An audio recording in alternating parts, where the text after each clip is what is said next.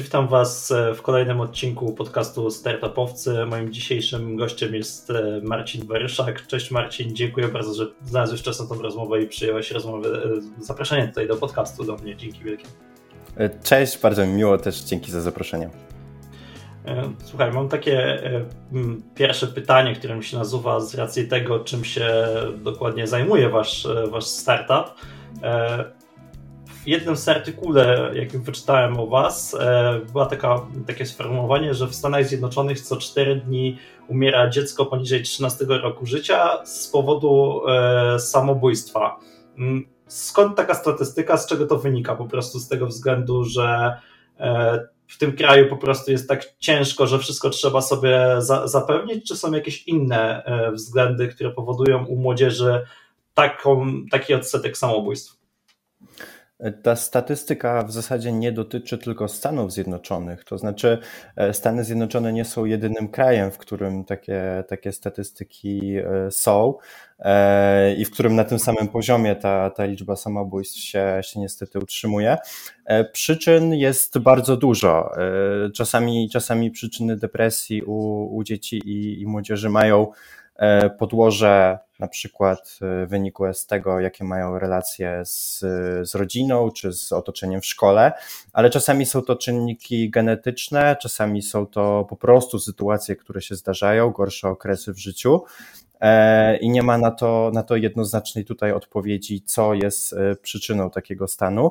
E, no natomiast tym bardziej dlatego trzeba przyłożyć jak najwięcej starań, jak najwięcej wysiłków, żeby tym dzieciom w potrzebie pomóc. Szczególnie dlatego, że jeszcze wciąż wielu dorosłych no, nie zdaje sobie sprawy z tego, że dziecko może cierpieć na depresję, z tego, że trzynastolatek może też mieć problemy, które nie tylko są problemami szkolnymi, czy to jest kartkówka, czy sprawdzian, tylko faktycznie mogą to być bardzo poważne problemy. E, także zmiany chemiczne w mózgu, które właśnie wpływają na to, że może być nawet tak skrajna reakcja, jak decyzja o samobójstwie. Mhm. No dobra, i teraz tu wchodzicie wy e, ze swoim startupem e, CalmC. Co dokładnie robicie? W jaki sposób wychodzicie naprzeciw tym problemom? My zajmujemy się tworzeniem e, cyfrowych terapeutyków e, do wsparcia leczenia e, lekkiej i umiarkowanej depresji. Zależy nam na tym, żeby do tej ciężkiej depresji już po prostu nie doszło, żeby ją zatrzymać na, na wystarczająco wczesnym etapie. I nasz produkt to jest taka gra, która ma w sobie elementy terapii poznawczo-behawioralnej. E, jest ona tworzona przez zespół lekarzy psychiatrów i przez informatyków e, i designerów, którzy właśnie te wszystkie elementy łączą. Łączą konwersacyjną sztuczną inteligencję, dzięki której e, możliwe jest zaangażowanie dziecka w czasie rzeczywistym, łączą terapię poznawczo-behawioralną, która jest takim złotym standardem leczenia zaburzeń depresyjnych, a równocześnie dodając do tego gamifikację, y, grywalizację, sprawiamy, że pacjent jest naprawdę zaangażowany w proces leczenia i ma dostarczoną taką interwencję terapeutyczną codziennie y, przez, przez ustalony, ustalony czas.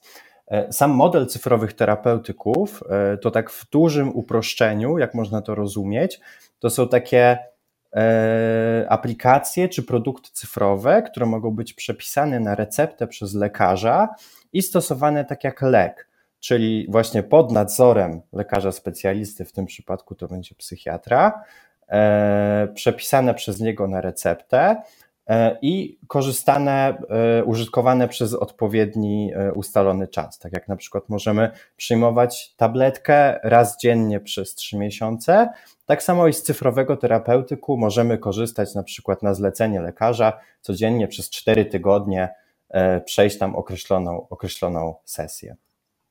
Mhm. No dobra, ale ja się zastanawiam nad taką rzeczą, że jednak boty to są w dużej mierze, działają schematycznie, nie? Zazwyczaj. E, I teraz e, w jaki sposób ten, e, ten bot jest w stanie zareagować na coś nieschematycznego? No bo trochę mi się wydaje tak, że to trochę tak jak w kardiologii, zwłaszcza, że ja trochę korzystałem z waszego produktu, chwilę się połowiłem Happy Botsem, i on trochę działa na takiej zasadzie, jak, mm, jak takie działanie kardiologiczne, nie? że jak pacjent nie wiem, ma wysokie ciśnienie, to bot mu odpowie, że weź sobie tą, tą tabletkę. W jaki sposób wy to e, robicie, żeby dostosować tą terapię do, e, do pacjenta? Czy to wkracza już bardziej psychiatra, który dobiera to, e, jakby jaki bot będzie korzystny, czy robi to też w jakiś sposób aplikację na podstawie jakichś danych, które są uwzględniane nie wiem, na podstawie wyboru czegoś w aplikacji, jak to działa? E, tutaj przede wszystkim warto zaznaczyć, że e, sama terapia poznawczo-behawioralna charakteryzuje się bardzo jasną i klarowną strukturą i jest bardzo dzięki temu też schematyczna i właśnie łatwa do zastosowania, stosunkowo łatwa do zastosowania w, w technologii takiej konwersacyjnej. No natomiast właśnie zupełnie czym innym jest już wdrożenie jej w taki schemat gry, E, to właśnie sprawia, że jest to dużo bardziej zróżnicowane, dużo też jest e, większe zaangażowanie użytkownika. No a ponadto e, sam aspekt sztucznej inteligencji, takiego też wstępnego wywiadu z pacjentem sprawia, że właśnie te treści mogą być dostosowane do użytkownika. Tak porównam to może do takiego poziomu trudności gry, że, że, że w zależności od tego, w jaki sposób uczestnik gra, to dostosowujemy też do niego treści, które, które się tam wtedy pokazują, które się wyświetlają e, i te treści właśnie są wtedy dostosowywane pod, pod stan danego pacjenta. Mhm. W jaki sposób skorzystać e, z, z, waszego, z waszego narzędzia? Czy, czy już w tej chwili można w jakiś sposób e, ko, korzystać? Jak to, jak to w tej chwili wygląda? Nasze narzędzie dla, dla dzieci e, jest w tej chwili w fazie e, ostatnich szlifów i rozpoczynania badań klinicznych. E, na tym też polega specyfika cyfrowych terapeutyków, że nie wprowadzamy ich od tak na rynek, tylko troszeczkę jest tu procedura zbliżona do tego, jak się wprowadza na rynek leki. E, czyli muszą być one zaaprobowane przez odpowiednie organy regulacyjne, no a uprzednio trzeba udowodnić ich skuteczność kliniczną, właśnie na przykład poprzez, poprzez badanie. E, no i przejść cały, cały proces certyfikacji. My obecnie się tym zajmujemy w Stanach Zjednoczonych. Naszym celem jest właśnie osiągnięcie tam statusu takiego właśnie produktu cyfrowego terapeutyku. Tam się zajmuje tym organ zwany FDA. E, I gdy FDA nas e, zaakceptuje, to wtedy, wtedy dopiero lekarze będą mogli przepisywać nasze rozwiązanie na receptę. A jeżeli przejdziemy proces negocjacji e, z ubezpieczycielami, to także będzie to mogło być rozwiązanie refundowane. W Polsce obecnie nie ma regulacji, które pozwalają przepisywać takie produkty na receptę, więc na razie to, to jeszcze nie będzie dostępne. Troszeczkę musimy z tym zaczekać, e, ale no nie mam wątpliwości, że jak wdrożymy to już w pełni w Stanach Zjednoczonych, to zaraz i w Polsce będzie także taka możliwość. Mhm. A jak zareagowało na Was e, środowisko naukowe? W jaki sposób? Czy to, jaka jest reakcja? Czy taka bardziej sceptyczna, czy jest to bardziej takie optymistyczne, że mówią wow, że super pomysł, czy, czy jak, to, jak to wygląda? Czy, czy już jakieś współprace się udało nawiązać? To, to oczywiście bardzo zależy. Tutaj, tutaj każdy przypadek jest oddzielny, natomiast spotykamy się często z naprawdę bardzo dużym entuzjazmem. My też e, tworzymy nasze rozwiązania we współpracy z lekarzami psychiatrami, we współpracy z psychoterapeutami. E, także odpowiadamy na, na potrzeby, które, które faktycznie istnieją i w sposób taki, który też nam jest rekomendowany przez ekspertów, przez specjalistów. Wytwarzamy to wszystko razem. E, ja, jako osoba, która nie jest lekarzem psychiatrą, bym się nie pokusił o e, wymyślenie i wdrożenie na rynek bez konsultacji rozwiązania, które, które ma za zadanie leczyć dzieci. To musi być tworzone od samych podstaw, od fundamentów z najlepszymi specjalistami. No my współpracujemy na przykład w Polsce z Centrum Medycznym profesora Marka Masiaka. Współpracujemy też z kliniką, która jest bardzo e, wyspecjalizowana w psychiatrii dzieci i młodzieży w Nowym Jorku. E, mamy też wielu doradców, konsultantów i od, od samego początku ten produkt z nimi tworzymy. Zdarzają się też oczywiście, oczywiście e, jakieś obawy, zdarzają się głosy sceptyczne. E, no natomiast to, to nawet bardzo dobrze, bo dzięki temu my sobie zdajemy sprawę, które, które fragmenty produktu czy podejścia wymagają szczególnej uwagi, szczególnej, szczególnej opieki i, i, i gdzie jeszcze powinniśmy się, się rozwijać. Mhm. Wspomniałeś o tym, że weszliście na Stany Zjednoczone, co jest trochę dosyć dziwne, w tym sensie, jeżeli chodzi o polski startup, nie? że z reguły się idzie tak, że gdzieś tutaj najpierw rynek polski, potem trochę Europy i gdzieś e, dalej jest w sferze marzeń wyjście e, na Stany Zjednoczone.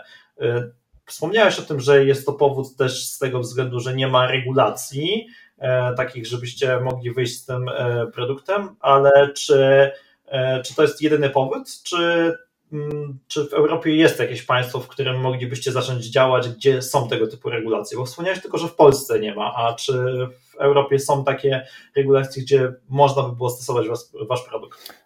Czynnik regulacyjny faktycznie jest istotny, ale, ale nie, jest, nie jest oczywiście jedyny. E, w Europie cyfrowe terapeutyki, takie, takie przepisywane na receptę, e, również zaczynają funkcjonować, są, są wdrażane. W tym zakresie e, przoduje przede wszystkim rynek niemiecki, ale bardzo niedaleko za nim podąża Francja, podąża Belgia, przymierzają też się do tego Włochy. Także, także w zasadzie z miesiąca na miesiąc widzimy coraz, coraz większy postęp w tym zakresie. E, także, także i, i, i, polskie środowiska medyczne coraz, coraz częściej zabiegają o to, żeby nad takimi regulacjami usiąść. Coraz więcej startupów, funduszy inwestycyjnych w tym się właśnie specjalizuje.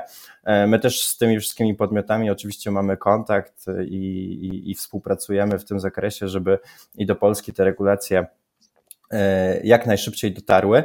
No natomiast e, oczywiście e, rynek niemiecki czy, czy, czy rynek francuski też stoją dla nas otworem, no natomiast w każdym z krajów jest troszeczkę inny system regulacyjny. I to nie do końca wygląda tak, że gdy certyfikujemy produkt w jednym kraju, to od razu może być on również sprzedawany w drugim. Żeby zrobić produkt naprawdę dobry i, i żeby mieć do niego pełne zaufanie, to my się skupiamy na razie na jednym rynku, właśnie na Stanach Zjednoczonych. E, po pierwsze, właśnie z uwagi na to, że tam już po prostu te regulacje są dla nas e, najbardziej przyjazne. E, po drugie, też dlatego, że i to jest rynek bardzo duży, tam jest właśnie też ten, e, ten duży, duży problem związany właśnie z, z brakiem dostępu do, do, do opieki psychiatrycznej dla, dla dzieci i młodzieży, e, ale też z, z przyczyn biznesowych. Jest to rynek też na tyle duży, że co trzeci dolar, który, który na świecie jest przeznaczany na zdrowie psychiczne, jest właśnie przeznaczany w Stanach Zjednoczonych. Dlatego to jest największy rynek i, i tam też leży największa szansa a skupiamy się na specyficznej, jeszcze niezagospodarowanej niszy, mianowicie na właśnie zdrowiu psychicznym, depresji i zaburzeniach lękowych dzieci w wieku e, od, od 8 do, do 12 lat. E, o ile na całym świecie w zasadzie już funkcjonują jakieś rozwiązania, na przykład e, dla nastolatków, czy na inne zaburzenia psychiczne e, dzieci w wieku powiedzmy właśnie 8-12 lat, na przykład ADHD, to już są takie produkty startupowe, to właśnie depresja i zaburzenia lękowe w tym wieku są jeszcze niezagospodarowane. I tutaj właśnie też widzimy swoją wielką szansę w Stanach Zjednoczonych, żeby ten największy rynek przejąć, a potem, gdy również i będzie, będą szersze regulacje w Europie, to także tutaj oczywiście ten produkt wdrażać. Mhm. E, to jakie zaburzenia obecnie możecie, może, możecie leczyć? E, jak to wygląda? I w ogóle jakie zaburzenia można leczyć e, tego typu metodą? To, jakie zaburzenia można leczyć tego typu metodą, to, to, to jest dość trudne pytanie, bo tutaj każdy produkt będzie troszkę inny. No my też jakby miksujemy kilka metod, bo z jednej strony właśnie stosujemy podejście terapeutyczne z terapii poznawczo-behawioralnej, z drugiej strony właśnie do tego dokładamy konwersacyjną, sztuczną inteligencję, e, a do tego jeszcze jest e, system właśnie grywalizacji. Takim ciekawym produktem jest na przykład gra wyprodukowana przez startup Akili. To jest amerykański startup, który stworzył grę, która wspiera dzieci, które E, zmagają się z ADHD. E, dzieci grając w tę grę e, uczą się skupiać uwagę na jednym punkcie, uczą się jak sobie radzić w życiu codziennym właśnie ze, ze swoim zaburzeniem. I to jest na przykład właśnie przykład, to jest przykład, gdzie, gdzie, gdzie taka grywalizacja, gra może być po prostu za, zastosowana. E, z kolei na przykład e, podejście terapii właśnie takiej poznawczo-behawioralnej i podejścia konwersacyjnej sztucznej inteligencji zastosował Łubot, który, który właśnie pomaga w leczeniu depresji i zaburzeń lękowych dorosłych. E, I, I my właśnie tutaj troszeczkę właśnie wstrzelamy się w taką niszę, łącząc kilka różnych podejść i właśnie kierując produkt do, do tych najmłodszych. Mhm. Mm, wspomniałeś o tym, że staracie się zapobiec e, tym ciężkim zaburzeniom, e, żeby to, co się gdzieś tam zaczyna, się nie rozwinęło e, w coś gorszego.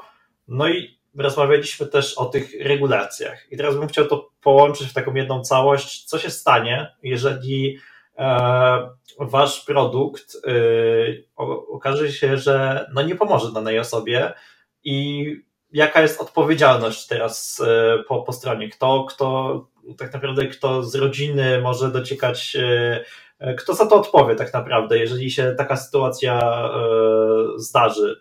Jak to wygląda, że, no nie wiem, dany terapeutyk nie zadziałał, albo lekarz, czy, czy to lekarz będzie odpowiadał, czy, czy też odpowiedzialność jest po waszej stronie? Jak to wygląda? Jak, jakie są w ogóle prawna odpowiedzialność po waszej stronie. Wiesz co, tutaj też jakby znowu wchodzi w grę e, taka sytuacja, że każdy przypadek jest zupełnie inny. Jakby na przykład się okazało, że jest jakaś wina po stronie e, oprogramowania, że chatbot, wideobot czy, czy gra właśnie nie przynosi, nie tyle nie przynosi odpowiednich skutków, co na przykład pogarsza stan, E, no to, to wtedy może być wina producenta oprogramowania. E, no z kolei e, jednak w takim przypadku to z największym prawdopodobieństwem jednak to rozwiązanie nie zostałoby wtedy dopuszczone do sprzedaży. Właśnie po to są te wszystkie środki zapobiegawcze, jak długie procedury regulacyjne, jak przechodzenie bardzo, bardzo tak naprawdę szczegółowych i zaawansowanych badań klinicznych, żeby ryzyko takich sytuacji jak najbardziej zminimalizować. Z kolei w kolejnym kroku to też nie jest tak, że to rozwiązanie funkcjonuje zupełnie e, samodzielnie, tylko jednak cały czas to wszystko odbywa się e, pod kontrolą lekarza, który nadzoruje proces leczenia.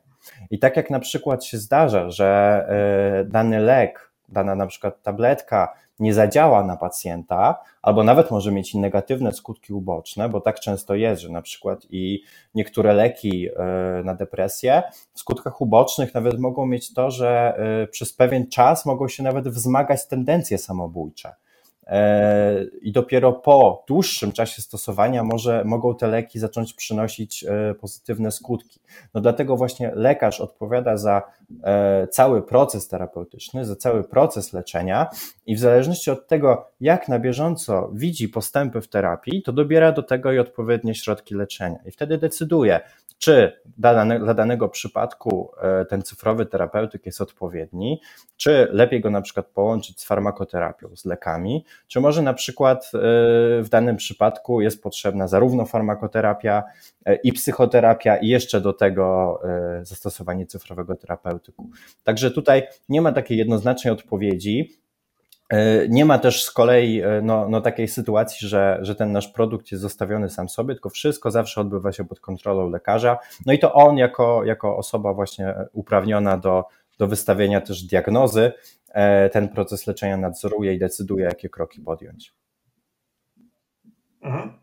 No powiem Ci, że mnie przekonałeś, że, że w odróżnieniu ze względu na to, że, e, że, że jest ta stała kontrola lekarza, bo wszystko się odbywa trochę w, w, no, w telemedycynie tak naprawdę, e, no to jest możliwa jakaś tam e, interwencja, czego trudno no mimo, że tak, no możemy sobie zadzwonić do lekarza, ale nie, nie, zawsze pacjent jest w stanie zareagować na to samodzielnie, że bierze lek na przykład jakiś antydepresant, który wzmaga właśnie te E, tendencje de, de, de, depresyjne i na przykład jest w takim stanie, że, że sam nie, nie, nie zareaguje, a tutaj jednak, że ze względu na to, że jest e, w jakiś sposób e, przez, przez platformę waszą, przez aplikację jest ta możliwa reakcja, więc... Wiesz co, to, to, to nie tak tyle powiem... przez aplikację jest możliwa reakcja, mhm. co tak naprawdę najważniejsze jest to, że zawsze pacjent z lekarzem co jakiś czas się spotykają.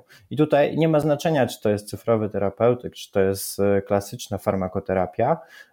Co spotkanie lekarza z pacjentem jest po prostu weryfikacja, jak ten proces leczenia idzie, jakie są skutki, zarówno pozytywne, jak i negatywne. No i do tego lekarz dostosowuje wtedy, wtedy dalsze leczenie. I czy to jest cyfrowy terapeutyk, czy to jest tabletka, e, to proces tutaj jest bardzo podobny, także, także tutaj nie, nie ma tak naprawdę większej różnicy między tym. No i, i podobnie też jak właśnie e, na, na tabletkę jest określone dawkowanie, określony schemat przyjmowania i też właśnie w zależności od tego, czy są pozytywne skutki, czy nie, to można lek zmienić lub na przykład zmienić jego dawkę. No to podobnie przy cyfrowym terapeutyku, jeżeli się okaże, że jest duża skuteczność, no to możemy dalej kontynuować proces leczenia tym, tym sposobem, a jeżeli na przykład w danym przypadku nie przynosi to odpowiednich skutków, no to model leczenia się wtedy zmienia. No dobra, to Cię jeszcze zapytam, jeżeli tak rozmawiamy o e, terapeutyku. Są leki, które są stosowane w psychiatrii i mogą działać e, na pacjenta w jakiś sposób e, dobrze, ale nie można ich stosować przez e, dany okres. Wspomniałeś o tym, że u Was też jest e, ten, ten czas stosowania.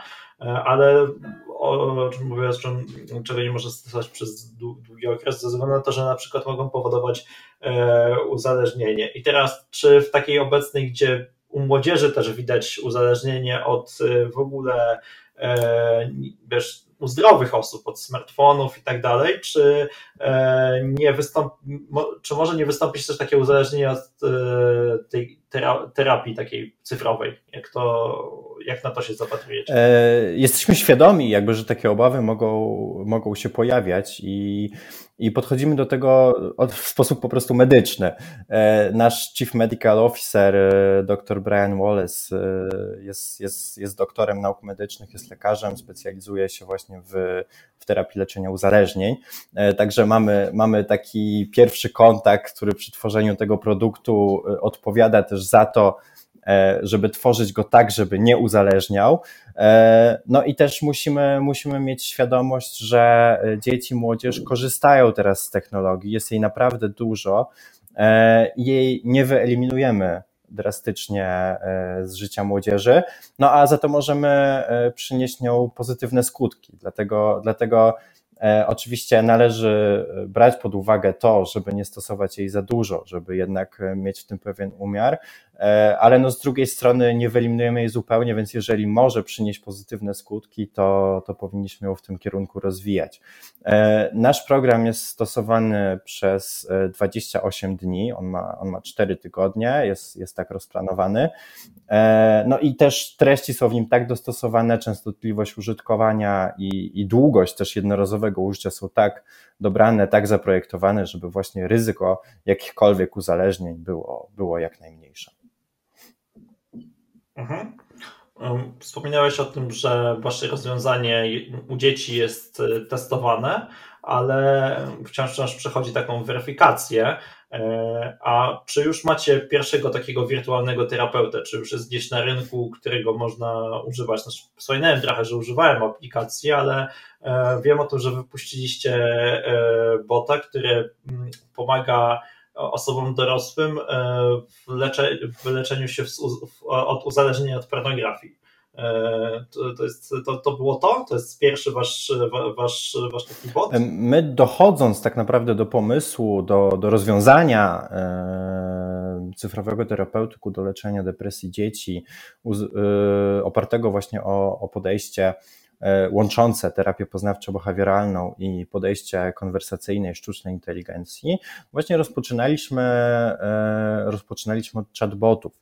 I teraz też e, jesteśmy w fazie badań klinicznych produktu, który właśnie weryfikuje to nasze podejście, czyli połączenie terapii poznawczo-behawioralnej z podejściem konwersacyjnej sztucznej inteligencji.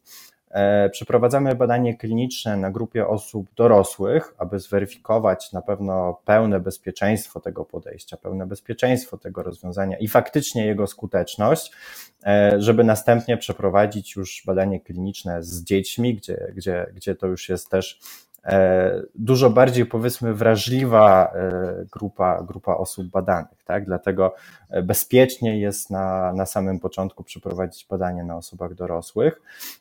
I mamy, mamy już wstępne wyniki tego badania klinicznego i, i są one bardzo obiecujące. Skłaniają nas, żeby jak najbardziej to podejście kontynuować i dalej finalizować to rozwiązanie dla dzieci i, i rozpoczynać właśnie też badanie kliniczne już, już w tym kierunku. E, obecnie na rynku faktycznie, faktycznie już w ramach takiej e, walidacji wypuszczaliśmy chatboty. Nie są to chatboty e, terapeutyczne, ich celem nie jest leczenie.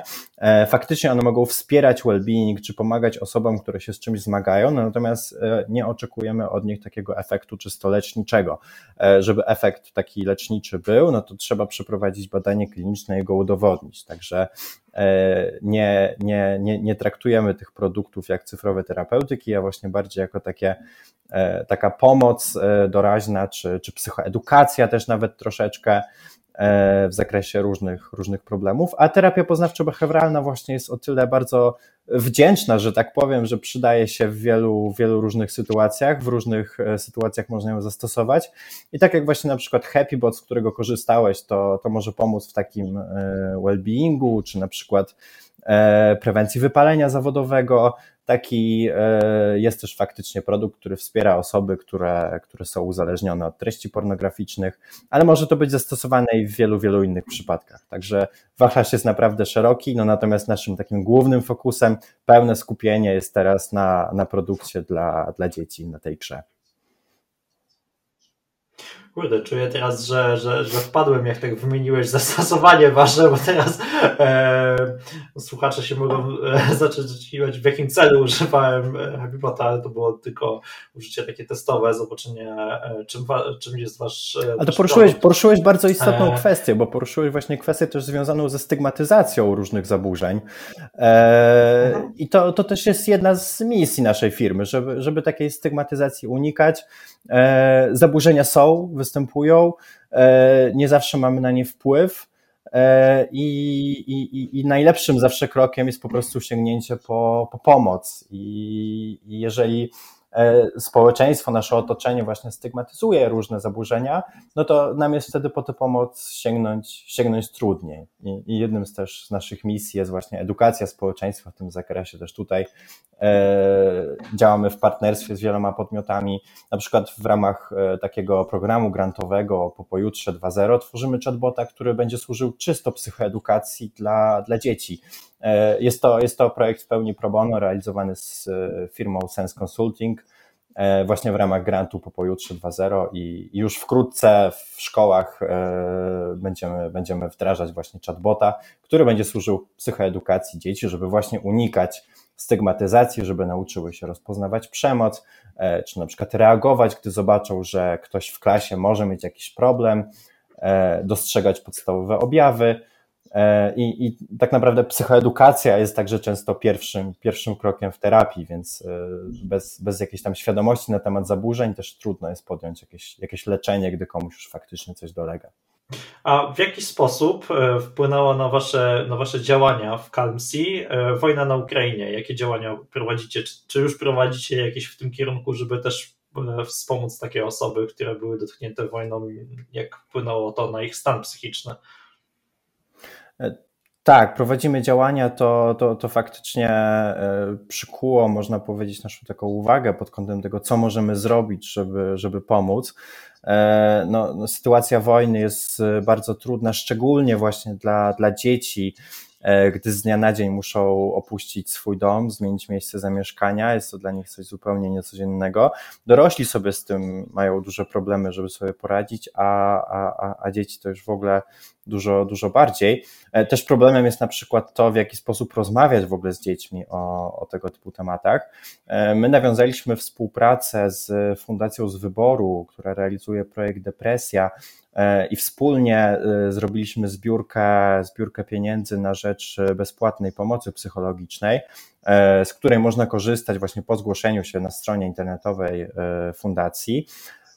A dodatkowo wypuściliśmy taką książeczkę terapeutyczną, która właśnie wspiera, wspiera rodziców w poruszaniu, poruszaniu tematu wojny, w poruszaniu tematu emocji z tym związanych.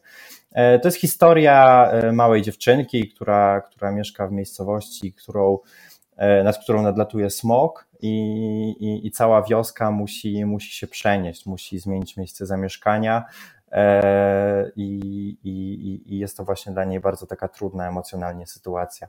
Cała książeczka jest dostępna bezpłatnie na stronie e, lilaandthedragon.com. Jest dostępna wersja ukraińska i wersja angielska. No i wkrótce też będzie, będzie wersja polska, żeby, żeby jednak jak największa liczba osób, którą, którą ta sytuacja dotyka, mogła z niej z niej skorzystać. E, poszukujemy też e, partnerów, którzy pomogą nam książkę wydrukować, żeby fizyczne egzemplarze także mogły dotrzeć do, do wszystkich potrzebujących. A teraz na stronie internetowej jest dostępny PDF, jest dostępny też audiobook e, i krótka taka animacja, która też tam pomoże te formy jakoś tam uprzyjemnić. Mhm. Okej, okay, to jakie macie pierwsze sukcesy? Co się już e, udało oprócz wprowadzenia takiego e, MVP? Co się już tak udało finalnie e, zrobić na ten moment? Czy udało się już pozyskać jakiś potencjalnych e, klientów, na przykład udało się Wam na przykład, bo tu też mówiłeś o tym wypaleniu zawodowym, nie?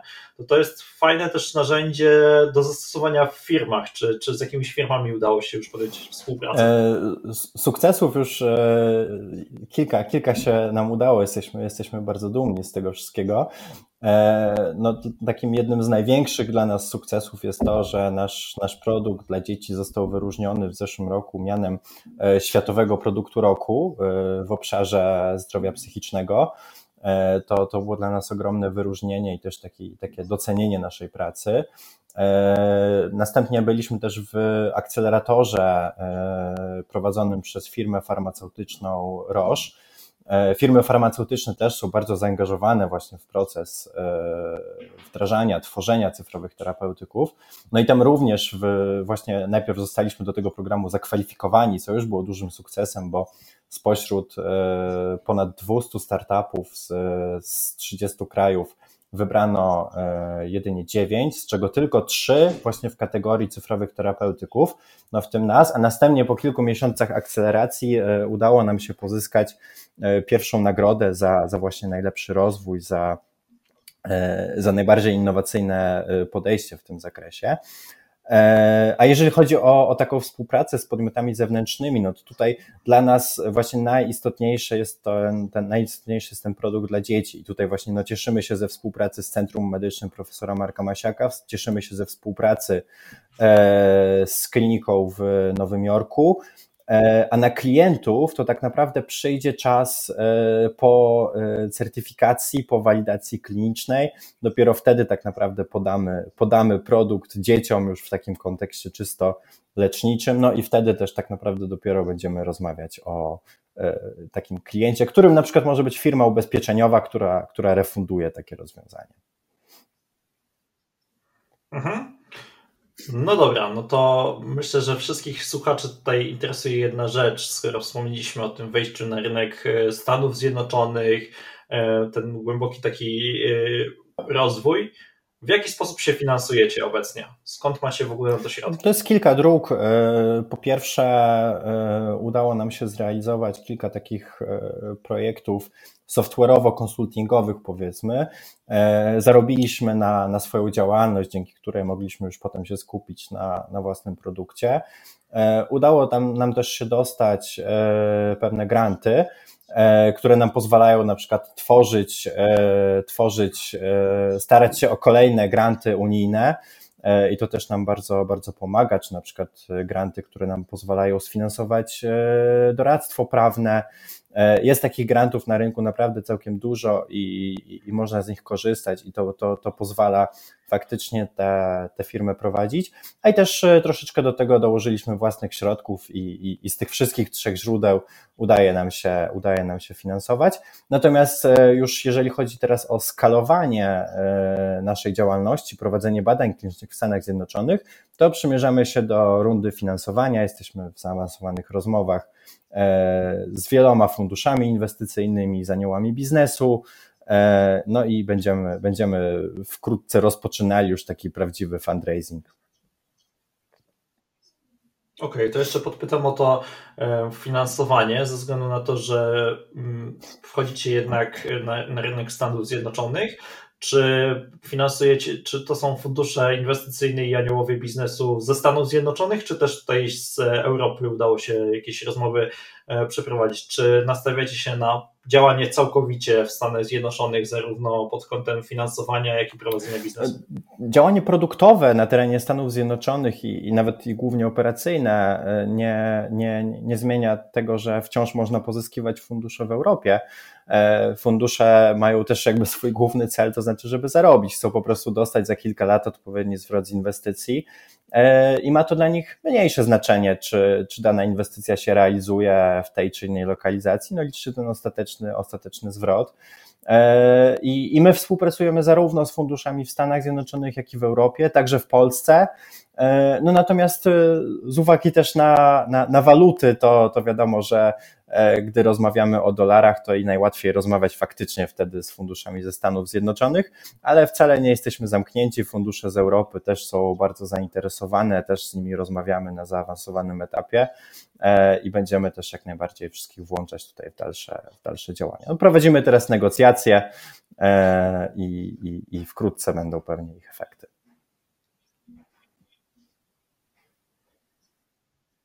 No właśnie zapytałem o to ze względu na ten fakt, e, bo jednak e, runda seed e, w Stanach Zjednoczonych, a, a w Polsce to są zupełnie inne wartości, nie? że dla, u nas duży fundusz inwestycyjny ma często kapitał rzędu kilkuset milionów, a jednak w Stanach Zjednoczonych to są nawet liczone mm, pieniądze w, w miliardach, więc i to dolarów, więc dlatego cię, cię o to podpytałem, czy, e, czy, czy, czy po prostu rozmawiacie. E, no, na, na, naturalnie jest to, jest to różnica i, i gdy, gdy jakiś fundusz wypisuje ticket milion złotych, a w Stanach wypisuje ticket milion dolarów, to E, w przeliczeniu na tę samą walutę to już jest to zupełnie co innego. E, no natomiast e, tak jak i w Stanach są fundusze, które mają mniejsze środki, tak i w Europie są fundusze, które mają większe środki. Oczywiście w Stanach jest więcej tych, które mają, mają większe środki, no ale jest to i dużo, dużo większy rynek w tym zakresie. E, my jesteśmy otwarci, znaczy mamy, mamy bardzo dużo propozycji, bardzo dużo prowadzimy rozmów i, i, i, cieszymy się też dość, dość dużym zainteresowaniem. Mamy, mamy, mamy to, to, nie wiem czy szczęście, ale, e, ale, ale nie, nie narzekamy na, na pustki w kalendarzu, także bardzo to też doceniamy i cieszymy się, że nasz produkt wzbudza takie zainteresowanie i w Europie, i w Stanach Zjednoczonych. E, ale no, ostateczny kształt rundy, jacy będą ci inwestorzy już tak finalnie, e, jaki będzie podział między Stanami Zjednoczonymi a Europą, to, to jeszcze zobaczymy. Mhm. Jakie są Wasze dalsze plany? Naszym teraz takim głównym celem jest właśnie przeprowadzenie badania klinicznego e, naszego produktu na grupie dzieci. E, I w momencie, w którym to badanie kliniczne doprowadzimy do końca i będziemy mogli przejść proces certyfikacji, e, to wtedy nasze rozwiązanie już będzie mogło być przypisywane na receptę przez lekarzy w Stanach Zjednoczonych. To jest taki nasz cel główny w zasadzie na 2023 rok, żeby ten, ten proces doprowadzić do końca. Mhm. Bardzo Ci dziękuję za, za rozmowę. Dzięki wielkie. Życzę powodzenia w rozwoju Waszego Dziękuję Ci produktu. bardzo też za zaproszenie. Subskrybuj podcast Startupowcy, by nie przegapić nowych odcinków. Do usłyszenia.